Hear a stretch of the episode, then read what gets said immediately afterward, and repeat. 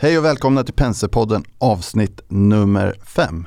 I Penserpodden avsnitt nummer 4 så lovar vi att återkomma nästa fredag med en redogörelse för, för vad som hände under vår bolagsdag som hölls igår torsdag.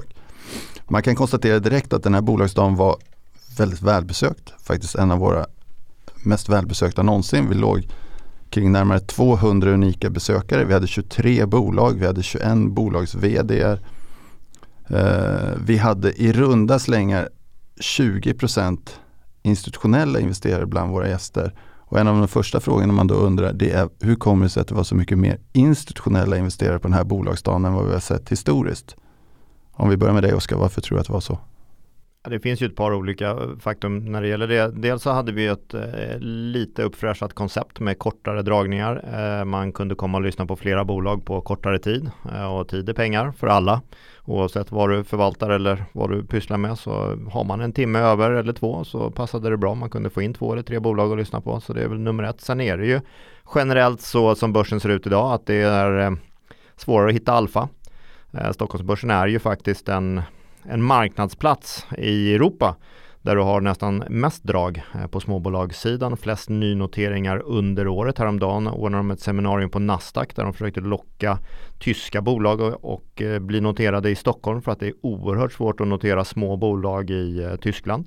Så att det här är, Stockholm är en, en het, ett hett ställe för småbolag.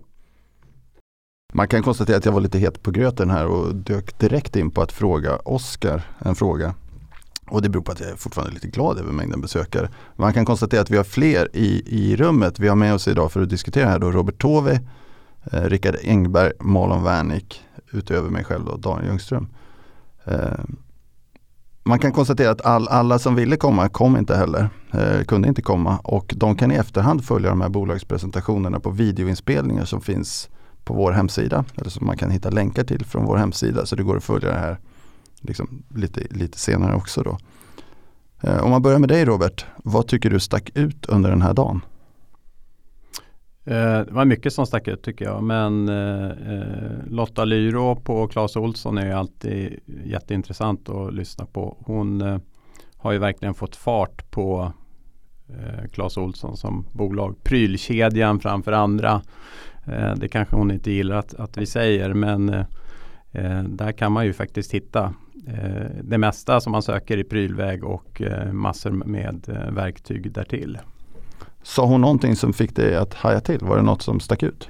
Nej, jag tycker egentligen ingenting stack ut sådär från, från eh, vad vi tidigare har snappat upp. Vi träffade ju eh, Lotta och Sifan Per eh, tidigare i våras och tycker att de Eh, de levererar på vad de lovade att de skulle sätta igång att leverera på vid kapitalmarknadsdagen förra året. Eh, det vill säga att, att eh, optimera sortimentet, öka kundfokus, pressa kostnader genom att omförhandla hyreskontrakt. Jag tycker hon, hon har fått bra fart på alla de här aktiviteterna. Man, man, kan konstatera att det var ett av de seminarierna som tilldrog sig störst intresse då vi hade kö utanför.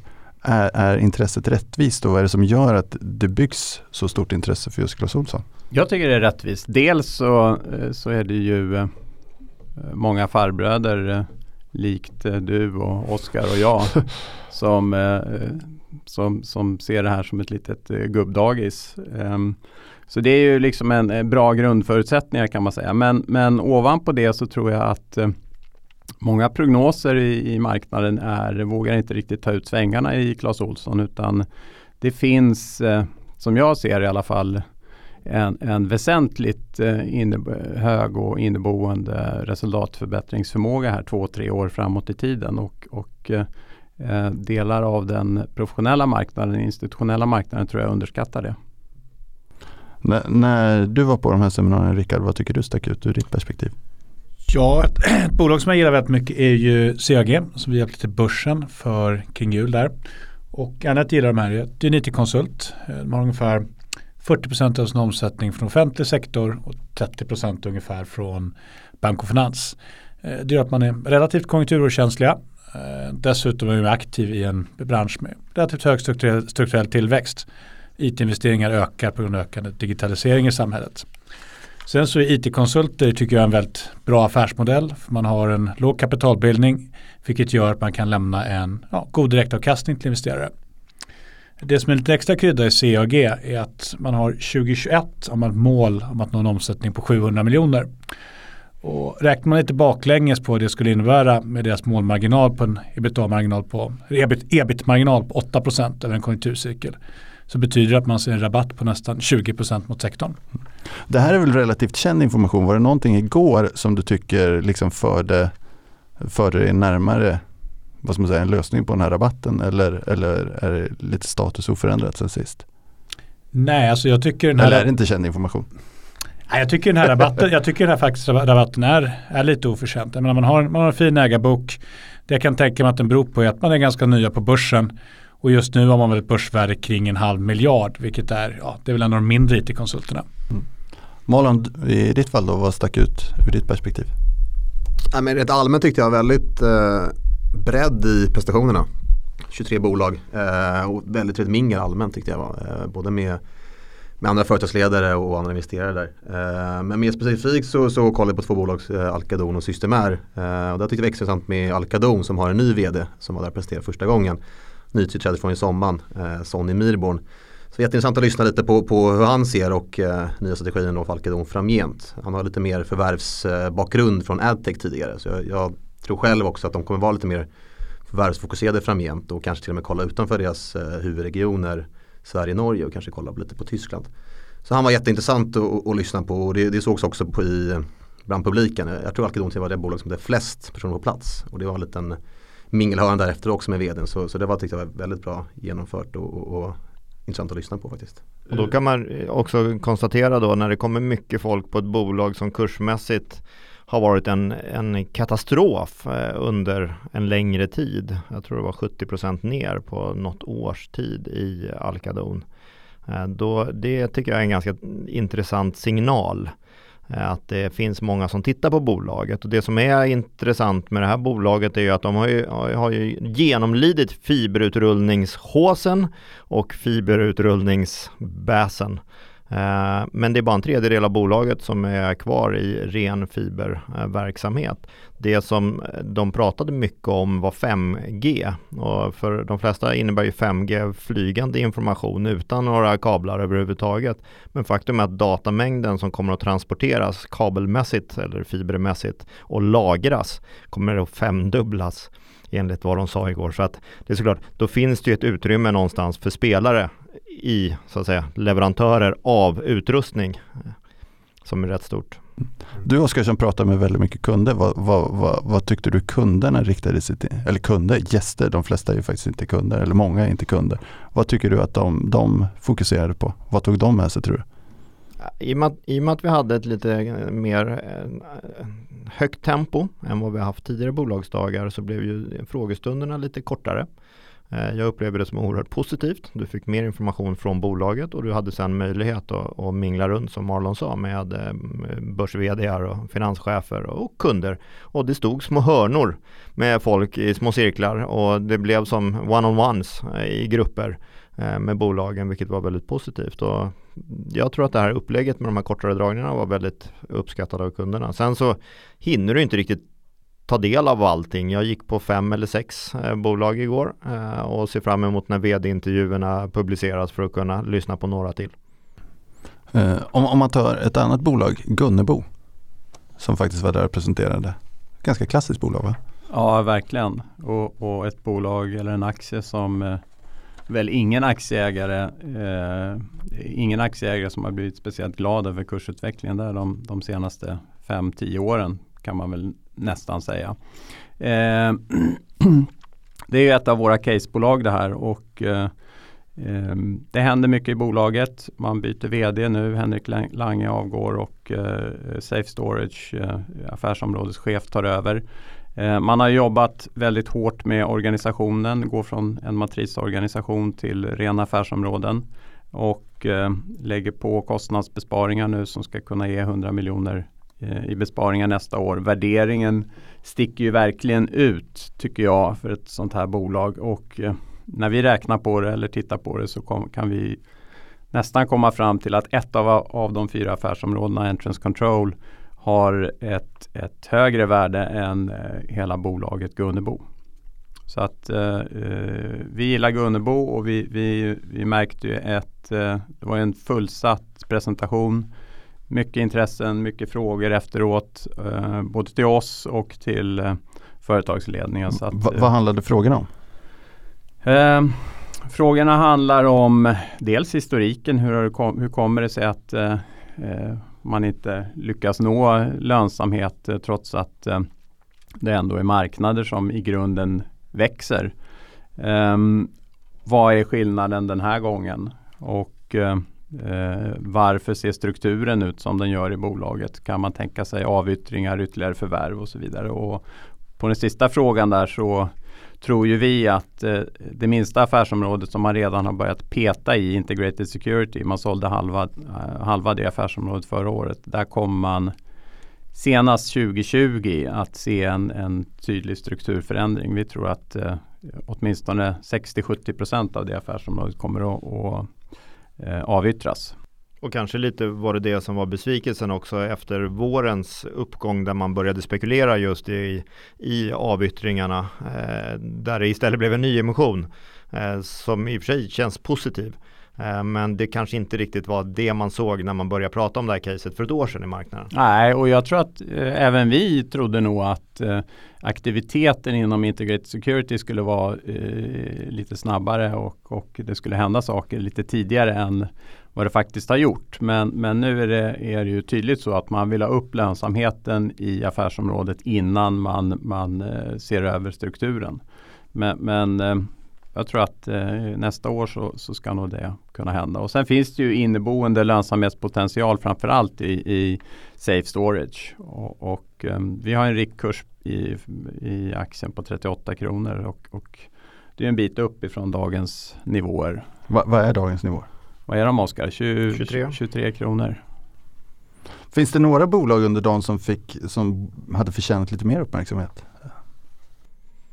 Alla skulle jag säga mer eller mindre. Det är såklart att det finns, det var ju med 23 bolag så är det jättemånga som inte hålls i den största salen eh, där alla är med. Jag var på AdCity Media som jag har följt i flera år som ju gör eh, i princip en, en spelare i digitaliseringen av butikkonceptet. Eh, Eh, krympande ytor, mer information, eh, fler skärmar, Synsam som kund till exempel. Man kan gå ner i, Norrmalmstorg och kolla Synsam-butiken så är det enligt vd en, en flaggskeppsaffär för hur de bygger sitt koncept. Och är det någonting vi gör nu så är det ju att bygga om eh, butiksytor och skapa i princip marknadsföringsytor inne i butiker. De har bland annat ICA som kund, jag kommer inte ihåg exakt antalen men de har alla kundvagnar till exempel. Har de en analog yta på Eh, det är ungefär som man har på Skistar, eh, säkert något annat bolag som säljer den reklamplatsen. Eh, så att just att föra reklam till personen Eh, är ju ett av liksom grundfundamenten just nu i marknadsföring. Att du försöker få budskapet dit där personen är för att göra just det du vill att de ska göra med dina produkter. Eh, en glasögonaffär är ett fantastiskt bra exempel på det med glasögontillverkare som gör reklam inne där du är för att handla. Då. Så att jätteintressant bolag tycker jag eh, att det är för att de bygger på digitalisering. Jag har precis köpt ett danskt bolag med 50 storskärmar, alltså sådana här som står ja, längs motorvägen, digitala skärmar eh, för att bredda sitt koncept. Så att, eh, och de har ju massor med sådana skärmar i Sverige redan. Då. Har, vi, har vi fler bolag som borde få lite mer uppmärksamhet? Rickard? Ja, jag har lyssnat på ett väldigt intressant bolag, Artificial Solutions. Och Artificial Solutions de utvecklar mjukvara för conversational AI. Det vill säga att man utvecklar mjukvara för röstigenkänning och föra konversationer digitalt. Och ett exempel på en kund som de har är det amerikanska telekombolaget AT&T. Här har man lyckats då att outsourca ett callcenter och gjort det helt automatiserat. Det vill säga att istället för att du pratar med en operatör så pratar du i princip med en dator som hjälper dig att lösa problemen. Och det här bolaget, det verkar inte vara så jättemånga som har hört talas om dem och det var väldigt välbesökt, vilket var intressant.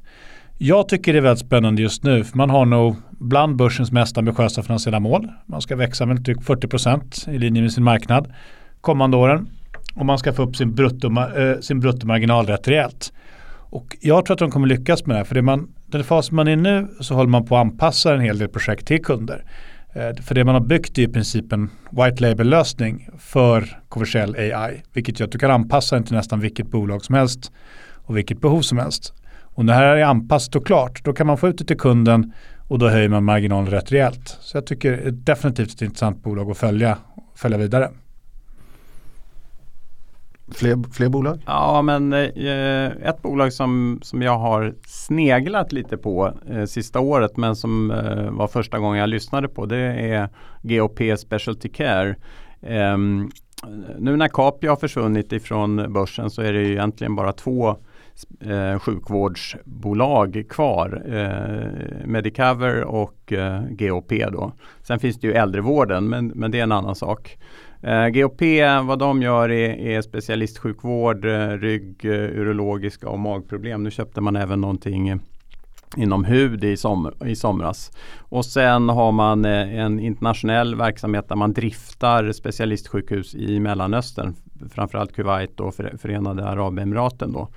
Eh, här eh, har man en hög organisk tillväxt, 10-15 procent. Eh, inte superhöga marginaler, ebit-marginaler någonstans 5-6 procent. I linje med där Medicover ligger, men värderingen är ju 20-30 procent lägre än Medicover. Eh, och, och, jag tror att delvis beror det på att bolaget är helt okänt. Eh, så att eh, jag tyckte det var superspännande att lyssna på vad vdn Daniel Öhman där hade att säga. Marlon, vad hittar du som, som borde ha fått lite mer uppmärksamhet? Ja men Systemair tycker jag. Eh, satt och lyssnade på. Det var Roland Kasper där, vdn som presenterade. Otroligt proffsig. Eh, det är ju då ett ventilationsbolag, eh, ventilationsprodukter då, luftvagnsaggregat, luftridåer och värmepumpar. Men jag tog med mig att det var första gången, jag lyssnade på Roland Kasper flera gånger tidigare. Det var första gången de hade så mycket inslag av hållbarhet i sin presentation till, eh, till åhörarna. Och Systemair är verkligen en eh, hållbarhetsvinnare här tillsammans med de andra Tomra, Nibe etc. Ehm, så, och alla de här har egentligen gått väldigt starkt på börsen också, upp en drygt 40% i år. Så det har verkligen blivit ett väldigt hett tema senaste tiden. Ehm, men, men det, var det jag tar med mig mycket från, eh, från Systemair-dragningen. Att det var väldigt mycket fokus på hållbarhet och, och det är verkligen en hållbarhetsvinnare där med sina energibesparingsprodukter och luftåtervinning och minskat koldioxidutsläpp etc. etc. Eh, sen har vi kapitalmarknadsdag också 26 september så det ska bli väldigt intressant i Skinnskatteberg som jag ska delta på. Vad tror du att de kommer säga då? Vad tror du att du kommer få? Vad är dina förväntningar för det? Jag tror det ska lite mer eh, hur de ska nå sina mål eh, och, och mer liksom, strategin framgent. Eh, sen får vi se, det kanske kommer ut lite andra intressanta grejer också. Men eh, jag har höga förväntningar på, på, på den dagen. Det ska bli väldigt intressant att åka upp dit och och lyssna eh, och se runt där hela dagen. Jag var faktiskt där förra året och kollade runt också, eh, site-visiten. Så eh, det är väldigt fint där uppe så det, det blir kul. Man, man, kan ju säga på temat hållbarhetsdag att nästa vecka har vi ett ganska stort seminarium med just det temat med inbjudna bolag och annat. Jag kommer inte ihåg agendan just nu i huvudet men man kan väl säga att Oskar Ekman har den framför sig. Absolut, jag hade ju förberett en skön liten brygga här mellan, mellan Systemair och eh, Organ och Klick som jag kan gå in på om en liten, liten stund. Då. På nästa torsdag är det på kvällen som vi har hållbarhetsseminarium och då har vi eh, tre stycken bolag på plats. Det är SaltX, det är Climon och det är PowerCell. Och vi har dessutom en eh, investerare där som ska prata lite om hur de tänker ur ett miljömässigt perspektiv. Och hela den här miljömässiga investerings kakan tycker jag i Stockholm är något underexponerad. Man pratar inte så mycket om miljövänlighet på riktigt när det gäller aktieinvesteringar. Eh, absolut, ESG, det har varit mycket fokus på det, men vad har vi bolagen som verkligen gör någonting för att förbättra, eh, förbättra eh, miljön, förbättra ekonomin höll jag på att säga där, för det är det man pratar om hela tiden. Men det går ju faktiskt lite hand i hand och då träffade de här Organoclick igår, ett bolag som jag aldrig hört talas om, vilket är fantastiskt. De kommer från Täby så jag borde ju åkt förbi eh, skylten någon gång. Oskar bor i Täby? Ja, Nästan. hyfsat i närheten kan man säga, av, av där de har sin fabrik trafik. Micronic ser man ju löpande och Mips såklart då, när man åker förbi.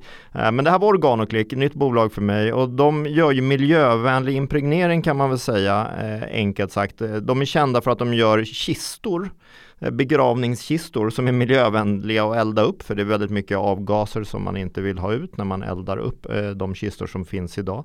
Det som är ännu mer intressant var väl egentligen deras träimpregnering som de tillsammans med Bergstimmer eh, levererar. De har till exempel gjort då flera stora träanläggningar med miljömässigt trä och det är en ganska stor det är ett stort intresse från kommuner att investera i, i trä som är miljömässigt eller bygga miljömässigt idag så att det ligger helt rätt i tiden. En annan sak som också de var inne på det var non-woven material alltså eh, i princip allt möjligt som vi använder, eh, servetter och, och liknande. Eh, de pratade mycket om de här jordbruksdukarna som man ser om man flyger ner i södra Europa. Det eh, finns ju även i Sverige där du lägger duk över för att skapa små eh, mikromiljöer eller växt, växthusmiljöer kan man säga. Och jag, jag är nyfiken på var kommer de här räkskalen in i bilden?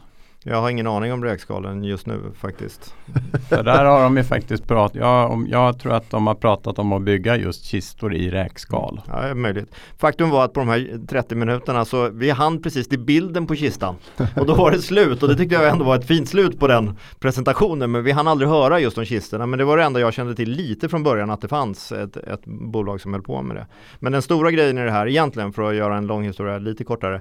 Det är ju de nya miljömålen från EU och de nya direktiven direktiven som finns där komposterbart material idag måste vara 90% komposterbart vilket gör att 10% inte behöver vara det och de här plastdukarna då som man lägger över fälten i, i södra Europa är totala miljökatastrofer. Eh, så att eh, det finns en regulatorisk eh, anledning att titta på att göra miljömässigt ja, 100-procentiga dukar till exempel. Ska vi göra som så att alla får räkna upp tre bolag de tycker att, att intresserade investerare ska gå in och kika lite på? Eh, om vi börjar med dig Robert, vilka, vilka, vilka inspelningar tycker du att investerarna ska kika lite extra på? Ja, men då får det nog bli de bolag som jag har pratat om här. GOP Specialty Care, Clas Olsson och Gunnebo. Mm. Du Oskar? Ja, organ och klick då som jag pratade om precis såklart. Det tycker jag var fantastiskt eh, överraskande. Eh, och få höra. Sen är det alltid långt kanske från eh, briljanta idéer till eh, ekonomiskt herravälde i världen. Eh, men jag gillar ju bolag som har en bra affärsidé och här tyckte jag att det här kändes rätt eh, i tid.